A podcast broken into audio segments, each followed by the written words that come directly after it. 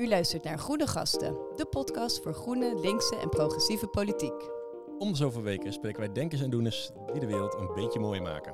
Ik ben Noortje Thijssen. En ik ben Hans Rodeburg.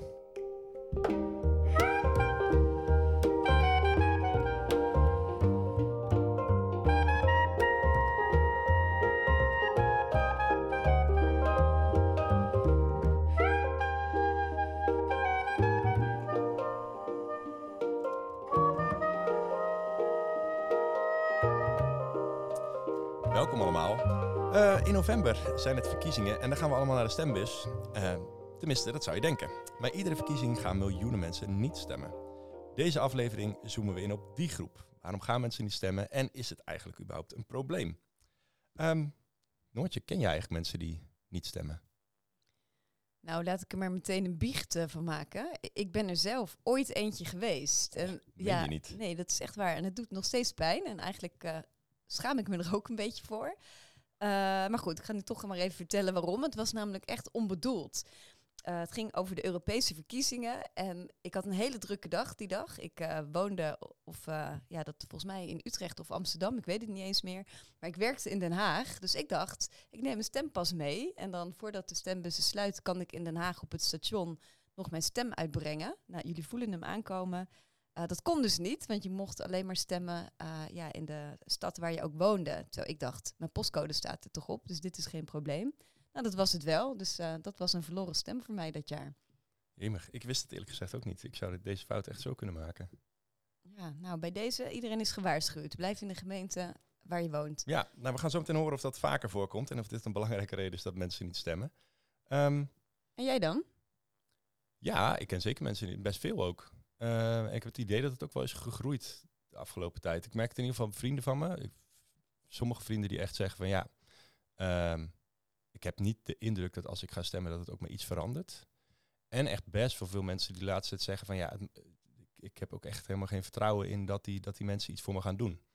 Ze, ze praten, we hebben mooie praatjes en als ik ga stemmen, ja, dan gaan ze toch iets anders doen, dus laat maar. Ik hoor dat best wel veel. Ja, heel, heel veel cynisme omheen. Ja, zeker.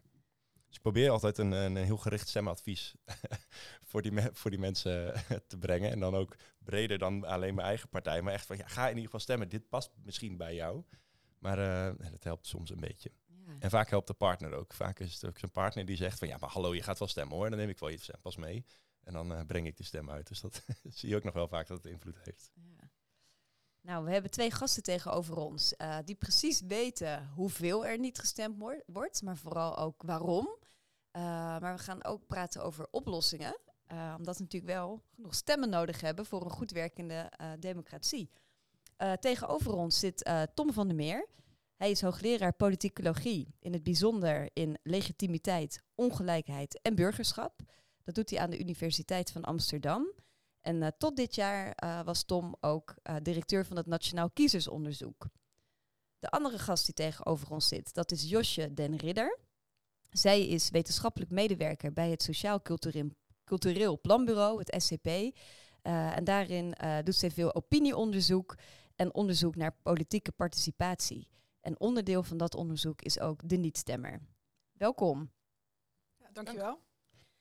Ik kijk eerst naar jou, Josje vertel ons gewoon een beetje over waar we het over hebben. De omvang van de groep. Waar, moeten we aan denken als we het over niet-stemmers hebben? Wie zijn het? Um, nee, de omvang is heel wisselend, want het hangt dus heel erg af van het type verkiezing waar je het over hebt. Uh, bij Tweede Kamerverkiezingen, dus uh, die we in november gaan krijgen, daar is de opkomst uh, de afgelopen tien jaar schommelt die zo net onder de 80% of rond de 80%. dus dat betekent 20% niet-stemmers. en dat is eigenlijk heel hoog, ook in internationaal opzicht. Eigenlijk doet Nederland het qua opkomst bij nationale verkiezingen heel erg goed. Um, het is wel zeg maar, gedaald sinds de jaren 70. En toen was er, tot 1970 was er in Nederland een opkomstplicht. Uh, toen ging meer dan 90% naar de stembus. Wat, um, wat, gebeurde als je dan niet ging stemmen? Kreeg je dan een boete? Volgens mij gebeurde er niet zoveel. Dus die op, ja, de opkomstplicht die werd niet echt gehandhaafd. Maar de meeste mensen die gingen uiteindelijk wel. Ik weet niet uit mijn hoofd uh, hoeveel dat was. In ieder geval wel boven de 90%. En je had dan ook wel mensen die gewoon gingen, maar niet een partijkeuze maakten. Hè. Dus je kan dan gaan en kun je of ongeldig stemmen of blanco. Er waren ook wel groepen die dat deden. Um, maar uh, meer dan 90% van de mensen ging stemmen. Nou, toen die opkomstplicht is afgeschaft, is, dat, is die opkomst gedaald, ook bij nationale verkiezingen, maar eigenlijk sinds 2002 ook weer wat gestegen. Dus 80%. En dat is echt hoog. Nou, bij andere verkiezingen ligt dat wel anders. Uh, dus bij de verkiezingen voor de gemeenteraad, was het afgelopen jaar, nee, in 2022 in maart, ging 51% van de mensen naar de stembus. Dat was de laagste opkomst bij de gemeenteraadsverkiezingen ooit. Um, en dat is ook relatief, want die opkomst is, daalt al wel langer. dus ook sinds de jaren 70 sterk gedaald. Heeft een tijdje rond de 55% geschommeld en is nu ietsje verder gedaald. Um, nou, dat werd toen heel, als een enorm groot probleem gezien, hè, die lage opkomst. Maar eigenlijk is dat dus al een structureel probleem. Maar, nou, provinciale statenverkiezingen eerder dit jaar, uh, volgens mij 56 procent, of 59 procent, ik weet niet uit mijn hoofd. Dat was weer iets hoger dan de keer daarvoor. Hoger ook dan bij de gemeenteraadsverkiezingen.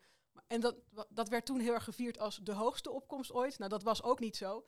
Maar daar zie je meteen ook dat die discussie best wel relatief is.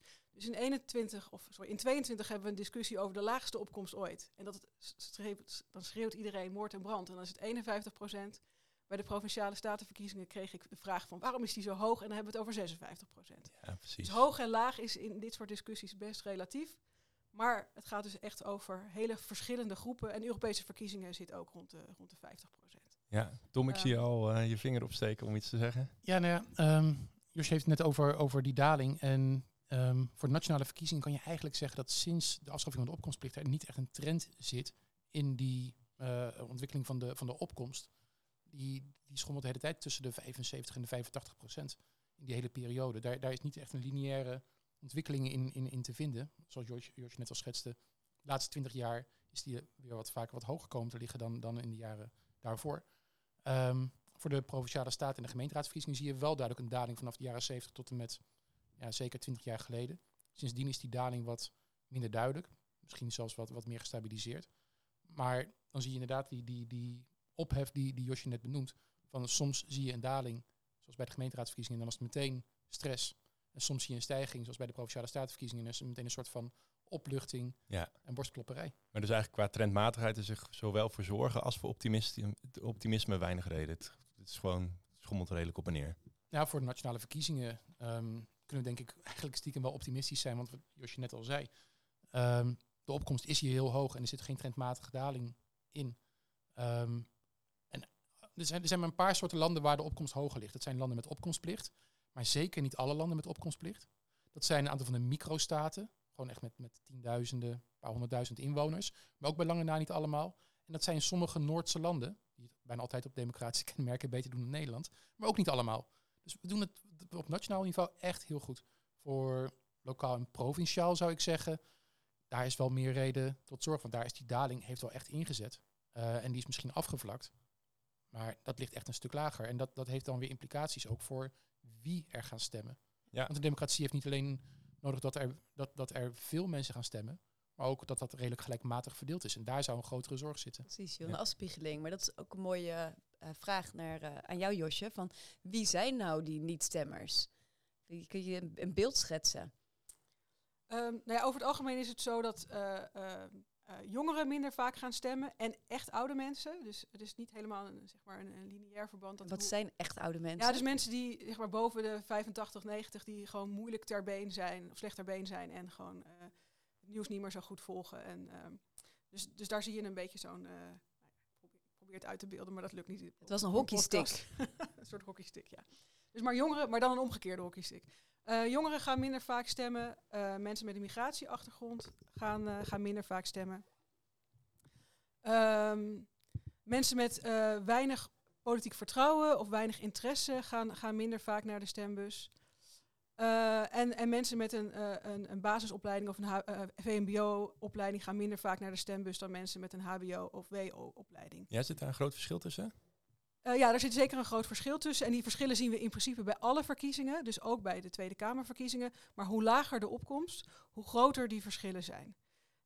dus bij de Tweede Kamerverkiezingen zie je wel verschillen, maar gaan er ook nog steeds heel veel mensen met een migratieachtergrond, jongeren en mensen met een VMBO-opleiding naar de stembus.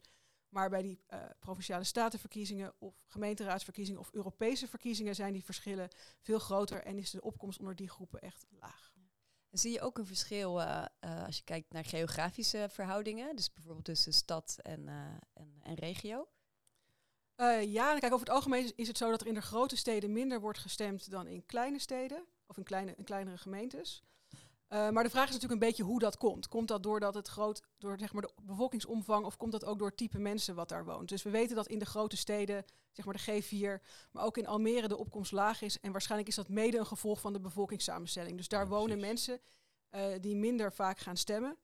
En wat ook nog een kleine rol kan, zou kunnen spelen bij de gemeenteraadsverkiezingen, is dat in die grote steden ook veel expats of arbeidsmigranten wonen. Uh, die bij gemeenteraadsverkiezingen wel stemgerechtigd zijn als ze langer in Nederland wonen. Uh, maar die zich eigenlijk niet echt verdiepen of niet verbonden voelen met, met, met Nederland of met die gemeente en dus heel vaak niet gaan. Dus daar hebben denk ik die, echt die grote steden ook nog last van. Maar goed, dat is een vrij klein, uh, vrij, vrij klein aandeel. En is er ook nog verschil tussen mannen en vrouwen? Gender ook een component? Dat die, ja, die dat is altijd wel zo geweest. Dus vrouwen gingen minder stemmen dan mannen. Maar in het onderzoek wat, daar, uh, wat ik daarover ken, zijn die uitkomsten toch heel wisselend. Dus het wisselt soms per verkiezing. Dus ik vind dat niet een heel sterk effect. Nee, het is niet heel significant dat je zegt van nou, daar, daar zien we echt een verschil. Ja. ja. Duidelijk.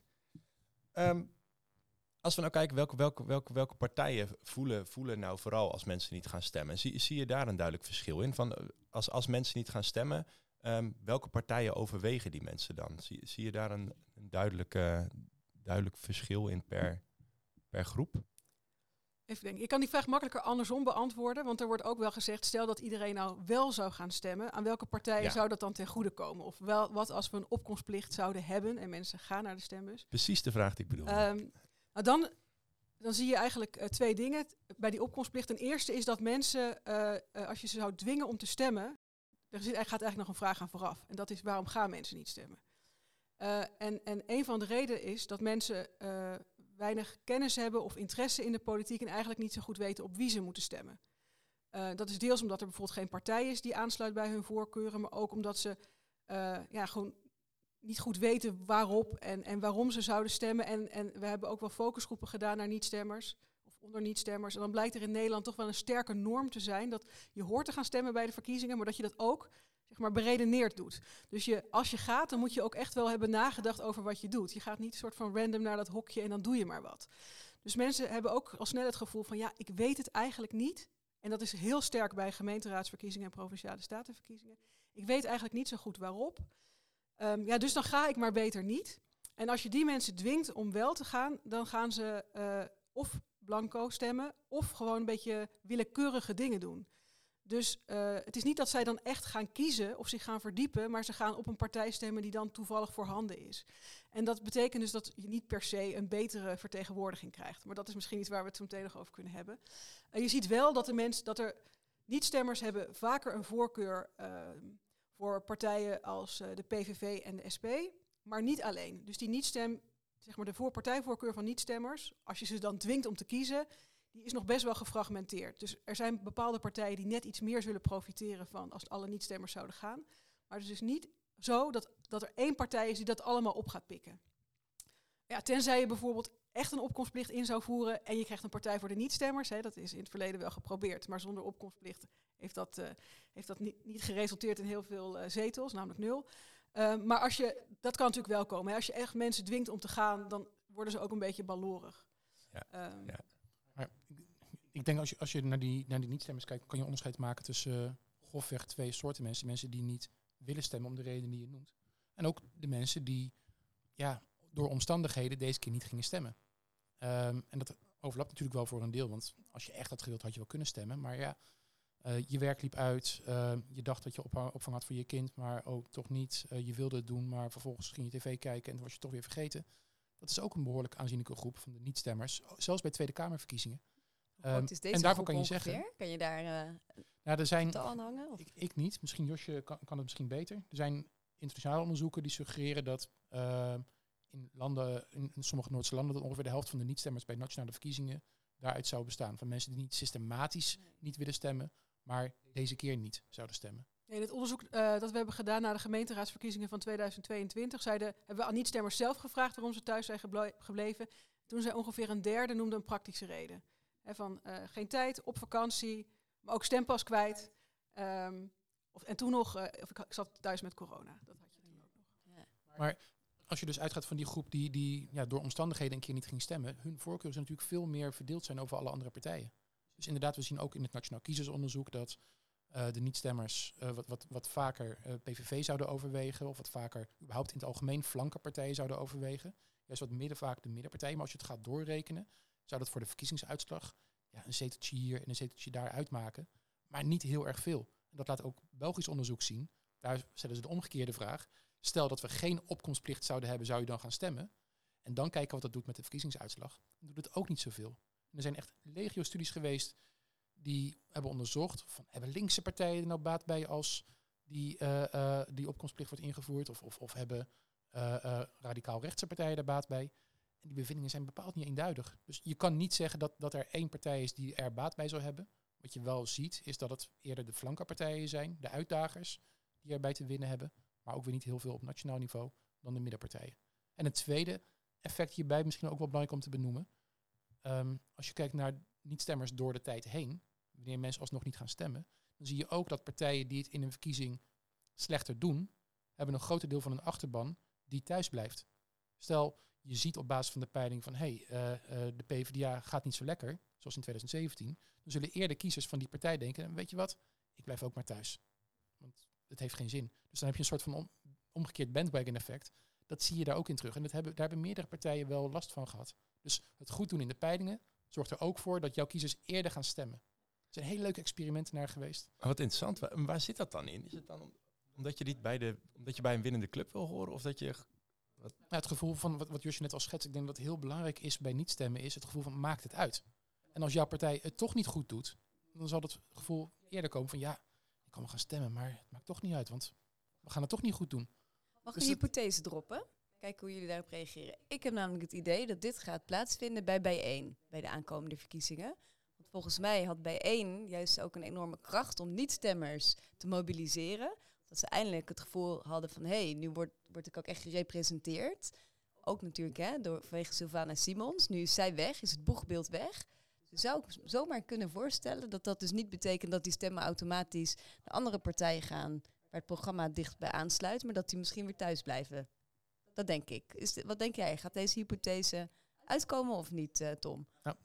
Um, nieuwe partijen zijn best wel vaak in staat geweest om een, deel van de niet-stemmers bij de politiek te betrekken. Dat is ook een van de mooiste dingen die we hebben, denk ik, in ons Nederlandse systeem. Dat die niet-stemmers niet structureel gaan afhaken, maar dat er elke keer partijen opkomen die die niet-stemmers kunnen mobiliseren. D66 deed het al in de jaren 60. Uh, de LPF deed dat. En dat zie je ook in recente jaren weer met meerdere partijen die, die, die dat doen. Uh, dat gezegd hebbende, ja, ik denk dat het omgekeerde dus ook zal plaatsvinden als zo'n partij ineens stort, dat dan een deel van de kiezers weer thuis blijft. Voor bijeen kan ik dat niet zeggen. Dat weet ik gewoon niet. Want die groep is te klein in mijn onderzoek geweest om daar hele zinvolle uitspraken over te kunnen doen. Dus dat algemene mechanisme dat dat zou gelden, ja, dat zou heel goed kunnen. Maar ik kan het in dit concrete geval niet zeggen, want ja, ook in ons onderzoek, dat zijn best wel kleine aantallen waar we het dan over hebben. Ze kunnen het ook niet uh, toetsen straks. Dus voor mij, blijft, voor mij blijft het hypothese. Ja, ik denk dat het wel toetsbaar is, ja. maar, maar niet met de informatie die ik nu heb. Is nog één groep op, op, wie ik wil inzoomen. Want je, we noemden hem net al. Uh, ja, dat ook uh, dat je niet in een bepaalde gemeente kon, kon stemmen. En ik was dat jouw onderzoek te lezen waar je het over had, Josje. En dat is die, de, de, de, reden, ik was mijn stempas kwijt. En ik schrok best wel, dat, het, dat was echt wel een grote groep nog. Dat was, ik weet het precieze aantal niet meer, maar het ging echt om, om, om, om volgens mij tientallen procenten van mensen die hun stempas kwijt, of 10 procent. Ehm, heel slordig dat ik hier nu niet gewoon percentage ja, ik denk Dat het, ik denk dat het er wat minder waren. het was sowieso een open vraag, dus dan heb je altijd wat, wat lagere percentages. Nee, maar er zijn echt wel mensen die zeggen dat, uh, dat ze hun stempas kwijt zijn. Ja, dat lijkt me echt... Dat, dat vind ik zo zonde. Dat zijn allemaal mensen die dus wel wilden stemmen, maar gewoon puur om een praktische reden niet. Nou ja, dan kom je een beetje op wat, wat, uh, wat Tom net zei. Heel veel mensen zeggen, zeggen dus in, hun onderzoek, in dat onderzoek van... Uh, geef een praktische reden om thuis te blijven. Ja, en dan denk ik ook een beetje van een praktische reden en een reden die te maken heeft met interesse. Dat hangt in veel gevallen ook samen. Kijk, dus soms, uh, weet je, wat, wat, jij net, uh, wat jij net noemde, dat, uh, dat je met je stempas in het verkeerde gemeente staat. Um, kijk, dan wil je wel stemmen, maar lukt het niet. Ik ben zelf ook mijn stempas een tijdje kwijt geweest op verkiezingsdag. En dat heeft me heel veel stress maar, gekost. Maar ik heb mijn hele huis omgekeerd. Ik heb hem gevonden en ik ben gegaan, omdat je dat dan per se wil. Dus er is natuurlijk wel ook interesse en dingen kwijt zijn. Hangen, ik denk, hangen altijd met elkaar ja. samen. Geldt voor stempassen, geldt waarschijnlijk ook voor andere dingen in het leven. Het is ook een beetje de hond heeft mijn huiswerk opgegeten, bedoel je? Ja, dus je, ben, je hebt hem ook ergens neergelegd. Dus zeg maar, leg je, als de stempas binnenkomt, eh, waar leg je je stempas dan neer? Ik denk dat Ja. dat wel uitmaakt en dat dat ook wel iets zegt over je, over je interesse. En het is ook zo, als je op tijd erachter komt dat je je stempas kwijt bent, of eh, wat ik me dus ook afgelopen keer gebeurd is, dat die niet bezorgd is, dan kun je tot een paar dagen van tevoren je gemeente benaderen en dan krijg je een nieuwe stempas. Dus eh, eh, er, is, door, er wordt door Binnenlandse Zaken en door gemeentes enorm veel eh, opgetuigd om echt te zorgen dat zoveel mogelijk mensen naar de stembus gaan. Het zo laagdrempelig mogelijk, mogelijk te maken met lange openingstijden. En als je stempas kwijt bent, kan je hem, kan je hem, eh, kan je een vervangend, vervangende stempas aanvragen. Je kan iemand machtigen. Je kan ook, als je op tijd bent, vragen of je in een andere gemeente kan stemmen. Daar heb je ook een soort stempassysteem systeem voor. Dus er zijn allerlei mogelijkheden. Maar je moet er dus wel, of je moet de interesse hebben om daar op tijd bij te zijn. Over interesse gesproken, Tom. Eh, de grootste reden is dus desinteresse. Ehm, wat zijn daar dan de oorzaken van? Ik denk voordat we straks ook over oplossingen kunnen gaan nadenken, moeten we denk ik nog beter snappen eh, nou ja, waarom de interesse er dus kennelijk onvoldoende is in dit land. Mag ik er misschien eerst iets over zeggen? Oh, namelijk, ja, namelijk zeker. Omdat, Ja. eh, eh, neem Tom gewoon het woord. Ehm, nou, misschien is het ook wel goed om te bedenken waarom mensen wel gaan stemmen. Hè? Dus waarom zijn die, dat is natuurlijk een interessante vraag. Waarom is, die opkomst bij die, zijn die- is de opkomst bij de Tweede Kamerverkiezingen zoveel hoger dan bij die andere verkiezingen? En één belangrijke reden daarvoor is dat mensen het gevoel hebben in Nederland dat de nationale overheid ertoe doet en belangrijk is voor hun leven. En heel veel mensen volgen het nieuws vooral via nationale kanalen. Dus ze krijgen heel veel nationaal politiek nieuws. Voor zover ze al politiek nieuws krijgen. Want de meeste mensen zijn natuurlijk niet super geïnteresseerd in politiek. Ze hebben wel wat anders te doen. Hè, maar dus die, er is echt een focus in Nederland op de nationale overheid en nationaal politiek nieuws. Eh, en het idee is dus, de nationale verkiezingen doen ertoe. Blijkbaar is er heel veel over op tv, dus het zal wel belangrijk zijn. Dus dan zijn mensen eerder geneigd om te gaan. En bij, eh, ehm, tweede, of bij gemeenteraadsverkiezingen en provinciale statenverkiezingen, mensen geven in onderzoek aan dat zij vinden of zij denken dat die bestuurslaag niet belangrijk is voor hun, voor hun eh, dagelijks leven. Ehm, en ze, ze volgen ook eigenlijk geen provinciaal en politiek nieuws. Ja, wel over hun eigen gemeente of hun eigen buurt, maar niet over de, de lokale politiek. En dat is dus wel een, ook wel een belangrijke, een belangrijke factor als het gaat over interesse. Van doet de bestuurslaag er voor mij toe? En krijg ik informatie en nieuws over, krijg ik een soort van cue dat dit belangrijk is. En bij de, bij de Tweede Kamerverkiezing krijgen mensen dat wel en bij die andere verkiezingen niet. Dat is wel interessant, want juist met de decentralisaties eh, een aantal jaar geleden hebben de gemeenten enorm veel taken erbij gekregen. En de theorie was toen, dan raken mensen meer betrokken, want het wordt belangrijker, dan gaan er ook meer mensen stemmen. Nou, Maar- dat was niet de theorie, denk ik. Ik denk dat dat eh, ehm, de, de, de theorie was, we gaan het decentraliseren, want lokale overheden die staan zo dicht bij de burgers, die kunnen dit veel goedkoper dan de landelijke overheid. Het was gewoon een Ja, bezuinigingsoperatie. het was gewoon een die met bezuinigingsoperatie. mooie woorden. Dat was de theorie. Ja. Ja, dat was de theorie. En, en er is überhaupt, vind ik, veel te weinig gedacht over de democratische inbedding van die taken op het lokale niveau. Dat is echt een heel groot tekort geweest. De staatscommissie Remkes, die ging over de democratie, het parlementair stelsel, heeft daar ook nog wel wat over geschreven. Dat voortaan bij decentralisaties ook naar die democratische inbedding moet worden gekeken. Maar je zou inderdaad wel verwachten van, hey, als, dat loka als die lokale democratie belangrijker wordt, dan mag je hopen dat het ook gedragen wordt door een hogere opkomst, door, door dat er meer op het spel staat. Ja. Maar dat is tot nu toe niet het geval geweest. Ehm, maar ja, het vraagt ook wel wat, namelijk een lokale infrastructuur, een democratie die het kan dragen qua media, informatievoorziening, tegenstellingen die duidelijk zijn, keuzes die ook daadwerkelijk door de gemeente kunnen worden gemaakt, in plaats van door bovengemeentelijke samenwerkingsverbanden, waar elke individuele gemeente eigenlijk net even te weinig invloed op heeft om daadwerkelijk te kunnen aansturen. Dus aan heel veel voorwaarden is eigenlijk niet voldaan, er is überhaupt niet over nagedacht, waardoor het me ook weer niet verbaast dat de opkomst niet hoger is geworden.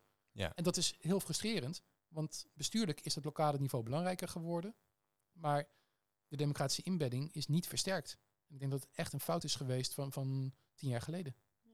Interessant. En op nationaal niveau zie je dit natuurlijk wel. Hè? Dat zei jij ook net, Josje. Van er is bijvoorbeeld ook heel veel media-aandacht voor. Dus die cue dat het belangrijk is, eh, nou ja, die, die bel gaat daar wel af. En toch is er dus nog zoveel eh, desinteresse. Hoe verklaar jij dat dan? Maar ik denk dat er best, nou, ehm, de opkomst is dus nog steeds op nationaal niveau echt heel hoog. Alleen, Ja, relatief had ik moeten zeggen. Ja. Ja. Maar ehm, ja, er is desinteresse, maar het is ook niet gek. Voor heel veel mensen speelt de politiek gewoon niet zo'n belangrijke rol in hun leven.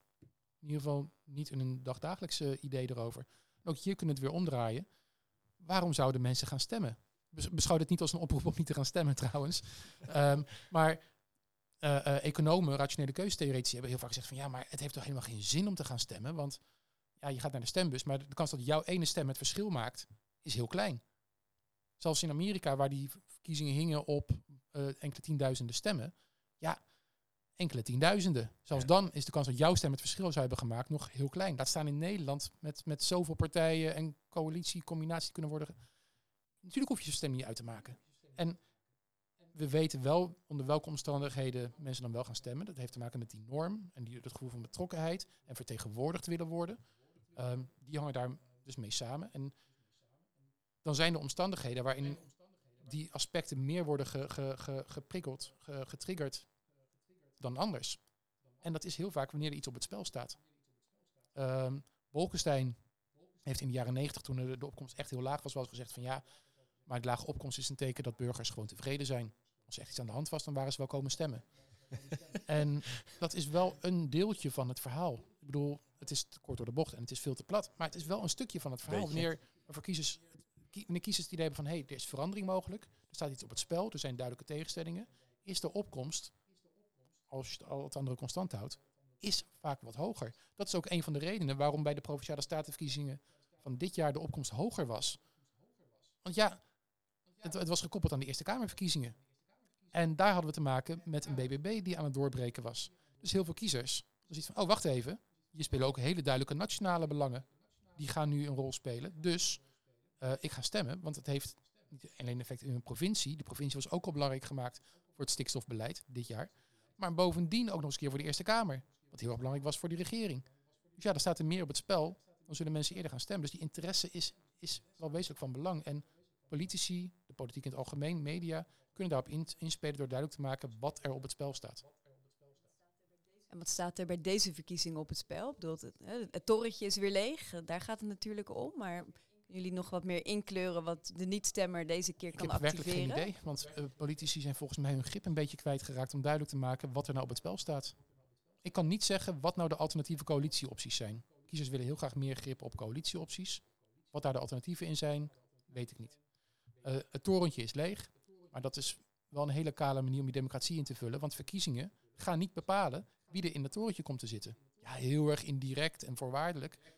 Maar stel je voor dat Wilders de grootste wordt of dat Timmermans de grootste wordt, dan bepaald geen zekerheid dat ze ook de premier gaan zijn. Want ja, dan hebben ze een coalitie nodig en een meerderheid nodig. En als die niet bij hun partij past, ja, dan, dan is dat gewoon niet het juiste verhaal. Dus ik zou ook dat niet als inzet gebruiken. Politici zijn een beetje hun grip kwijtgeraakt op wat nou de grote inzet, de insteek van de verkiezingen is. Als ik denk aan de, aan de niet-stemmers, denk ik vooral dat, dat we nu in staat zijn om de onvrede die de afgelopen twee jaar flink is gegroeid, het wantrouwen dat flink is gegroeid in, in de afgelopen generatie van politici, om die weer te kanaliseren binnen het systeem. En dat zie je met de opkomst van partijen als BBB en NSC, dat dat het geval kan zijn. En dat op die manier een deel van die kiezers binnenboord kan worden gehouden. Ja, daar, daarbij aansluitend. Hè. Dus, dus aan de ene kant zie je dat, wat jij zegt, hè, hoe die partijen kiezers kunnen mobiliseren om te gaan. Eh, aan de andere kant, eh, we hebben eh, een paar weken geleden focusgroepen gedaan voor ons continu onderzoek burgerperspectief. En dat ging niet per se over niet stemmen. Maar de politiek kwam wel ter sprake. En dan, daar viel me toch ook wel op ehm, dat na de val van het kabinet, zeg maar, het politiek vertrouwen is laag. En na de val van het kabinet is dat echt niet beter geworden. Maar ik merkte ook een soort moeheid bij mensen. Van ja, we zijn nog maar anderhalf jaar geleden naar de stembus gegaan. Ik heb me toen toch verdiept. Jullie waren toch, aan de, jullie waren toch nu aan de beurt om iets te gaan doen. En wat hebben jullie nu eigenlijk helemaal gedaan, politiek? En nu moet ik weer. Dus ik vond dat, ik weet niet hoe groot dat sentiment is. Ik heb, ik heb geen idee. Maar dat was wel een geluid wat ik daar van meer deelnemers hoorde. En ik, vond, ik dacht van ja, dat, dus, dus dat, dat wantrouwen kan, kan gemobiliseerd worden. En er is nu ook wel met een wat positiever geluid. Hè. Dus Caroline van der Plas heeft na die provinciale statenverkiezingen gezegd: hey, ik wil het vertrouwen herstellen. Dat is natuurlijk ook de opdracht, of de opdracht die uh, Omtzigt zichzelf heeft gegeven. Hè, met, een betrouwbaar, met een betrouwbare overheid en betere prestaties hopen dat het vertrouwen zich ook herstelt. Uh, en dat kan mobiliserend werken, maar je merkt dat er ook wel mensen zijn die er een beetje moe van zijn. En die de politiek verwijten dat ze niet met oplossingen kost, komt. En nu het probleem een beetje terugduwen naar burgers. En ik denk uh, dat het wel belangrijk is voor de politiek om die hoopvolle boodschap van verandering is mogelijk. En jullie moeten laten weten welke verandering jullie willen. Uh, dat je daarmee mensen best kan mobiliseren. Maar dan moet je wel ook uh, moeten politici ook wel duidelijk gaan maken welke, waar kiezers tussen kunnen kiezen en welke opties er zijn, uh, ideologische opties voor de, voor de langere termijn. Dus waar je dan precies uit kan kiezen. Want dat is denk ik iets wat we net nog niet zo hebben genoemd als motief om thuis te blijven. En wat bij de gemeenteraadsverkiezingen echt wel belangrijk was. Dat mensen, of dat heb ik denk ik wel gezegd, maar dat mensen echt niet weten op welke partij ze moeten stemmen. Dus mensen vinden dat er in Nederland te veel partijen zijn. En dat partijen ook eigenlijk net te veel op elkaar lijken. Um, ze hebben gewoon ook moeite om te kiezen. Uh, en, en die moeite om te kiezen maakt ook dat mensen thuis blijven. En, en, en, en verkiezingen gaat over het uh, inzichtelijk maken van politieke tegenstellingen. En daar steun voor vragen. Dus dat vraagt echt ook wel een, een, een volgens mij een breed politiek debat uh, over inhoud en over waarde. En dat, daarmee hoop je mensen te mobiliseren. Maar ook over de vraag, wat zijn nou de belangrijkste tegenstellingen waarover we het moeten hebben? En om nogmaals de verkiezingen van 2021 als voorbeeld te pakken, dat debat kwam nooit van de grond. Dat uiteindelijk gingen die verkiezingen over de vraag, ja, uh, um, vertrouw je Rutte als premier? Want dat werd de inzet. Of vind je dat het beleid van de afgelopen jaren rond corona wel oké is gegaan? Dat werd de inzet. Want een grote inhoudelijke tegenstelling waren de alternatieven linksom of rechtsom, progressief of conservatief. Dat, dat kwam niet van de grond. Dat werd wel gepoogd. Uh, de GroenLinks en PvdA die richten hun pijlen op Rutte in die campagne. Nou, Rutte zei, ja, maar we zijn het eens. We zijn het eens. En we moeten het samen voor elkaar krijgen onder mijn leiding. Ja, die was er ook heel goed in, hè, om dat gewoon gelijk plat nou ja, te slaan. Maar andere partijen laten het plat slaan. Laten we wel wezen. Het Ja. is niet alsof uh, um, uh, ja, Rutte met, met min of meer 30 zetels, 35 zetels op dat moment waarschijnlijk in de peilingen, nou zo'n beslissende factor zou zijn geweest. Nee, dit, dit laten andere partijen gebeuren. Uh, vanaf de rechterkant, Wilders ging ook in de aanval ook weer op Rutte. En Rutte zei van, ja, maar we zijn het eens, meneer Wilders. Alleen het verschil is, u staat langs de zijlijn te, te, te schreeuwen en ik probeer dingen gedaan te krijgen. Maar er was dus geen tegenstelling, want iedereen was het blijkbaar eens als we die campagne serieus moeten nemen. Ja, dat helpt niet. Ja. En je moet dus duidelijk maken, wat zijn nou de grote inhoudelijke tegenstellingen? En wat zijn de alternatieven op die tegenstelling? Wat zijn mogelijke coalities linksom of rechtsom? Progressief of conservatief? Of welke dimensie, welke tegenstelling je ook kiest? Ja, als dat ontbreekt, dan, dan wordt het best wel lastig uh, om, om, om voor kiezers om, om duidelijk te krijgen van wat nou hun opties zijn. En dit zijn uh, dan oplossingen, hè, wat je politiek zou moeten uh, regelen. Namelijk gewoon weer debatten met elkaar te voeren over de inhoud, over idealen. Maar zijn er ook bepaalde beleidsinstrumenten die je zou kunnen inzetten om hier iets aan te willen doen? Denk aan overheidscampagnes bijvoorbeeld. Zou dat kunnen helpen om mensen op te roepen om te gaan stemmen? De, als je het hebt over opkomst en opkomstbevordering, is eigenlijk de eerste vraag van wat wil je eigenlijk bereiken? Dus wil je een hoger opkomstcijfer of wil je um, iets anders bereiken? Uh, namelijk, um, want daar hebben we het misschien nog niet over gehad, waarom is een hoge opkomst belangrijk of waarom wordt het belangrijk gevonden? Uh, het gaat misschien niet alleen maar om dat cijfer. Nou, kijk, voor een deel gaat het ook om het cijfer. Het idee van een, van, een, van een representatieve democratie, daar zit ook een soort van participatie normatief participatie-idee in van inclusieve participatie. Als zoveel mogelijk mensen meedoen, zegt dat iets over de legitimiteit van het systeem. En dat gaat misschien puur om het cijfer. Maar het inclusiviteit gaat ook, wat, uh, wat Tom in het begin al zei, over wie er meedoet. En het probleem van een lage opkomst, en zeker als het zeg maar, bij, uh, bij niet-nationale verkiezingen, dat er grote verschillen zijn tussen groepen en dat die verschillen ook structureel zijn. Dus die zijn niet van de afgelopen tien jaar. We hadden het net over de groepen die minder gaan, gaan stemmen. Dat is al 20, 30 jaar zo. En het, uh, dat leidt tot politieke ongelijkheid. Dus er is ongelijkheid in participatie. Dat leidt tot ongelijkheid van, in vertegenwoordiging. En uh, als je niet uitkijkt, ook tot ongelijkheid in uitkomsten. En daar is wel wetenschappelijk bewijs voor dat dat zo is. Dus dat het beleid voor bepaalde groepen beter werkt dan voor anderen. En dat is dus die politieke ongelijkheid. Dat is, mijns inziens, het grote probleem van, uh, van structurele lage opkomst en structurele ongelijkheid in die opkomst. Dus en dat maakt uit. Dus wil je dat cijfer omhoog, dan kan je een opkomstplicht invoeren. Um, dat heeft allemaal negatieve neveneffecten, wat mij betreft. Maar je hebt wel een hoger cijfer. Een andere mogelijkheid is uh, om de niet-nationale verkiezingen tegelijk te houden met de nationale verkiezingen. Dan gaan, gaat die opkomst bij gemeenteraadsverkiezingen en provinciale statenverkiezingen ja, ook dus gewoon omhoog. één, één stemdag waarop je alles tegelijk Ja. doet. Dat betekent ook dat die lokale verkiezingen worden genationaliseerd. Uh, dus dat je eigenlijk vooral, dus, dus dat, dat ondermijnt de, de lokale democratie nog verder. Dus dat is ook onwenselijk, maar je hebt wel een hoger Ja. cijfer. Dit, dit is ook wat. Vorig jaar hadden we dus een, een, een lage opkomst bij de gemeenteraadsverkiezingen. En tegelijkertijd, ik was er niet zo negatief over. Want, mede door alle omstandigheden, gingen die verkiezingen niet over nationale politiek. We hadden toen net de info in Oekraïne gehad. Dus eigenlijk werd de nationale tak van die campagne werd best wel stilgelegd. Dus die verkiezingen die hadden niet die sterke nationale component. En de opkomst was wel wat lager. Maar er werd ook minder overvleugeld door nationale politieke overwegingen. Waardoor er dus meer ruimte zou kunnen zijn ontstaan voor de lokale politieke overwegingen. En dat zie je dus heel vaak, wat Josje net schetst. Er zijn wel oplossingen aan de ene kant te bedenken, maar die hebben dan weer kosten aan de andere kant. Ja. Uh, uh, je, je, kan denken aan, aan, een nieuwe manier om te gaan stemmen. Uh, in 2021 hadden wij stemmen per brief geïntroduceerd. En dat is een manier om, om zeker in tijden van, van corona, om ervoor te zorgen dat, dat, dat mensen kunnen gaan stemmen die anders thuis zouden zijn gebleven. Maar er zit ook weer een kostenpost aan. En de kostenpost zit hem hier in de legitimiteit. De gepercipieerde legitimiteit en betrouwbaarheid van het proces. Van, is dat wel zo eerlijk? Gaat dat wel netjes? Dit werd in 2021, vooral door Forum voor Democratie, heel erg opgeklopt als een probleem. Want kijk maar naar Trump en Amerika, hadden ze dezelfde zorgen en dan ging het ook helemaal fout, want opeens draaide de uitslag helemaal om. Dat had simpelweg te maken met hoe stemmen worden geteld. Maar ja. goed, dat fabeltje dat, dat werd wel vertaald naar, naar de Nederlandse context. Dus je ziet vervolgens ook na afloop van die verkiezingen dat die forumkiezers massaal dachten dat dat hele proces onbetrouwbaar was met de stemmen per brief. Maar één op de negen forumkiezers zegt dat was wel betrouwbaar. Dat is best wel schrikbarend. Dus zo'n nieuwe manier van stemmen heeft een kostenpost. En hetzelfde geldt voor e-voting, uh, dus digitaal stemmen. Dat kan leiden tot, tot, tot meer stemmen. Dat is niet eens heel erg duidelijk of dat ook daadwerkelijk het geval zal zijn. Maar het legt wel een flink beslag op uh, de gespecifieerde legitimiteit. Want bijna elk onderzoek laat zien dat dat dan lager ligt. Is ook minder goed traceerbaar, het is gevoeliger voor fraude. De, um, als je het vanuit huis kan doen, wie kan dan voorkomen dat, dat, dat niet je, je vader of je partner op de achtergrond zit te bepalen op wie je aan het stemmen bent. Dus er zitten bij heel veel van die technische oplossingen zitten gewoon kostenposten. En dat moet je wel met elkaar in balans brengen. Hoe groot is nou het probleem dat je wil oplossen? En wat Josje net zei, wat is nou het precieze probleem waar we mee te maken hebben? Is dat het niveau van opkomst? Of is dat de gelijkmatigheid van opkomst? Ja. Ik denk dat het, die gelijkmatigheid belangrijker is.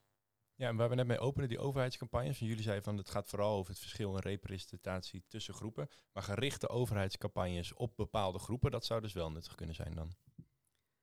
Uh, nou, het is sowieso heel moeilijk om dat te doen. Uh, daar speelt natuurlijk ook mee het lage vertrouwen van mensen, uh, zeker ook in de, in, de, in de nationale politiek. Uh, dus de vraag is wel van hoe zet je zo'n campagne op? Wie laat je, wie laat, dus kijk, volgens mij moet je als overheid sowieso doen. Dus je moet ervoor zorgen dat stemmen toegankelijk is, dat iedereen weet dat het is en daar moet je reclame voor maken. Hè. Iedereen moet wel weten, op 22 november gaan we naar de stembus en het is open van, uh, weet ik veel, 9 tot 9 of waarschijnlijk nog veel langer.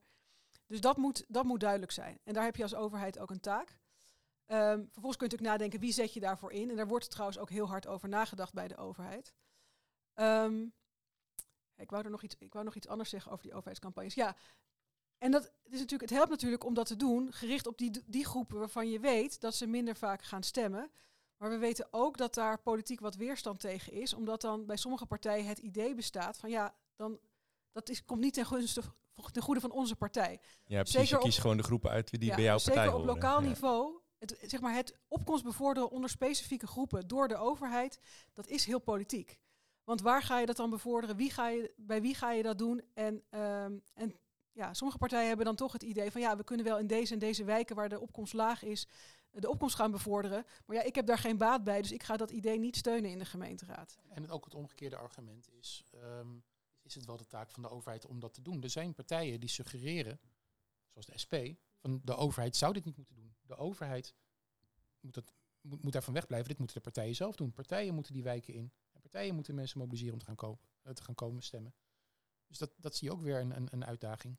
Overigens, wat nog wel een hele interessante manier van uh, stellingname rond opkomstbevordering is, zagen we rond het referendum van 2016. Ik weet niet of jullie die nog weten, over Oekraïne. Uh, het verdrag, het associatieverdrag tussen de EU en Oekraïne. En um, toen waren er een aantal gemeenten die zeiden van ja, we verwachten niet een extreem hoge opkomst.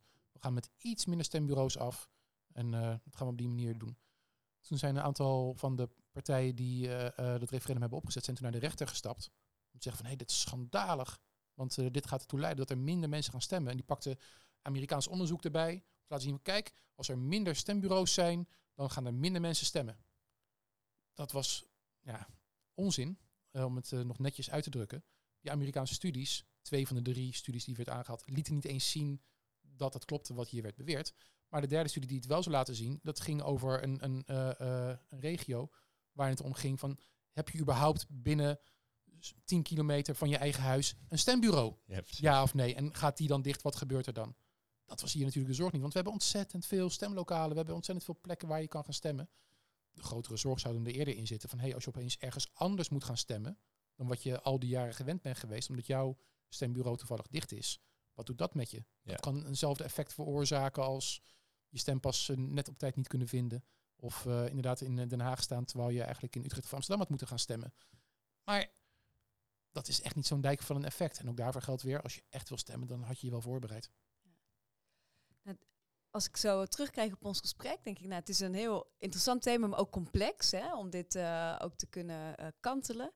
Ehm, stel je voor hè, dat jullie de macht zouden hebben om hier iets aan te kunnen doen.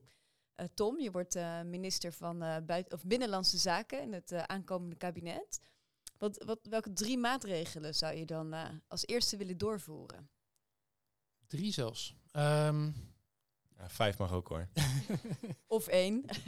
volgens mij is... is, is ehm, kijk, de, er zijn twee dingen die, die- waar ik aan denk. Ehm, en eentje waar ik natuurlijk niet aan denk. Dus laat ik die alle drie op die manier benoemen.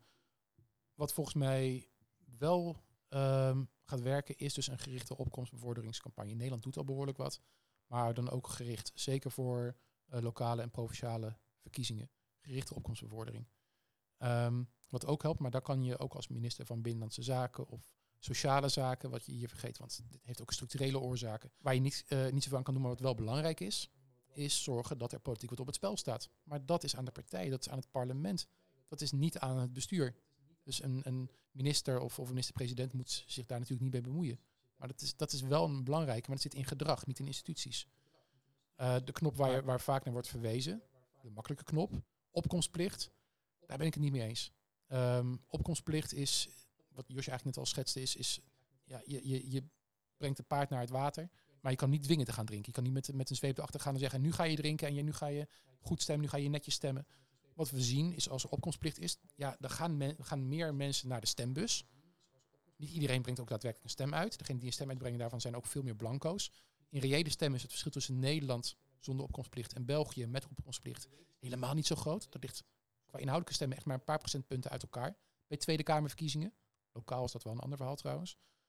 Maar het is niet zo dat mensen, omdat ze moeten gaan stemmen, daardoor ook ja, meer een politiek dier worden. Dat ze politiek echt geïnteresseerder raken. Dat ze geïnformeerder gaan stemmen. Dat ze meer nieuws gaan volgen. Dat ze op andere manieren actief gaan worden. Dat bewijs is er niet. Ja, er zijn wel wat studies die dat laten zien. Maar er zijn minstens evenveel studies die zeggen van nee, dat, dat, dat is niet het geval. Dus die knop van opkomstplicht, dat is er niet één. Dus ja, als ik dan toch minister van Binnenlandse Zaken moet worden, dan die knop in ieder geval eh, kapot maken. Duidelijk. En jij, Josje? Goh, ja, nee, ik weet niet of ik minister van Binnenlandse Zaken zou willen zijn. Ja, Maar- ook een Ja, andere. nee, dan voel ik me toch denk ik meer voor wat Tom net al noemde, sociale zaken. Ehm, oh, sorry, sociale zaken, omdat... ehm, kijk, er zijn, Tom noemde dat, er zijn een aantal knoppen waar, waaraan je kunt draaien. En we weten dat, dat trouwens uit allerlei onderzoek dat de kosten van die knoppen, bijvoorbeeld campagnes of een paar extra eh, stembureaus, dat die kosten heel hoog zijn en de opbrengsten heel laag.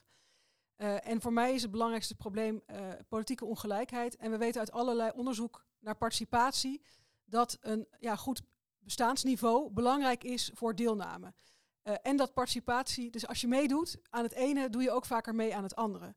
Eh, dus als mensen genoeg geld hebben en genoeg middelen hebben om ook tijd vrij te maken om zich eh, naar de, zeg, de, politiek een beetje te volgen, eh, ehm, dan is het mijn hoop dat dat, er, dat, dat ook een goede gunstige neveneffecten heeft voor de politiek. Dus we weten ook dat mensen die gewoon echt heel ja, hard moeten werken, zeg maar moeite hebben om rond te komen, ehm, helemaal geen tijd hebben om, om zich met de politiek bezig te houden. Dus mijn hoop zou zijn dat als je gewoon het eh, bestaansminimum verhoogt, dat mensen meer tijd hebben en ook meer tijd hebben om actief te zijn. Actief eh, als vrijwilliger, actief op scholen en misschien ook actief in de politiek. Dus ik zou eh, voor die post kiezen en dat proberen te bewerkstelligen. En ik denk dat het echt belangrijk is. Die, die, er zijn een reeks studies die laten zien dat een herverdeling van, van tijd, van geld, eh, van ook opleidingskansen, dat dat er inderdaad toe leidt dat er ook een gelijkmatiger niveau van participatie is. Tussen eh, opleidingsniveaus. Een gelijkmatiger niveau is tussen eh, mannen en vrouwen. Ehm, tussen inkomensgroepen. Dus dat doet er echt toe. Nou, misschien dan eh, inderdaad een optimistisch einde, omdat deze verkiezingen mogelijk wel gaan over bestaanszekerheid. Ik bedoel, alle partijen die praten er nu over. Dus uh, wie weet uh, nou ja, gaan we dat ook terugzien in de aantallen niet-stemmers. Dat zou mooi zijn. Zijn we aan het einde van de, aan, van de podcast gekomen. dank dat jullie waren om, om ons meer te vertellen over dit onderwerp. Um, en aan de luisteraar, uh, wij hebben nog wat reclame te maken, want we hebben veel gedaan de afgelopen tijd. We hebben namelijk uh, onder andere een boek uitgebracht. Er is wel een alternatief. Uh, Postkapitalisme, um, een einde aan de roofbouw op aarde en mens. dat boek ligt in de winkel, dus ga hem vooral halen. We verkennen daarin alternatieven voor de huidige samenleving. En dan hoor je ons bij de volgende weer. Tot dan. Doei doei.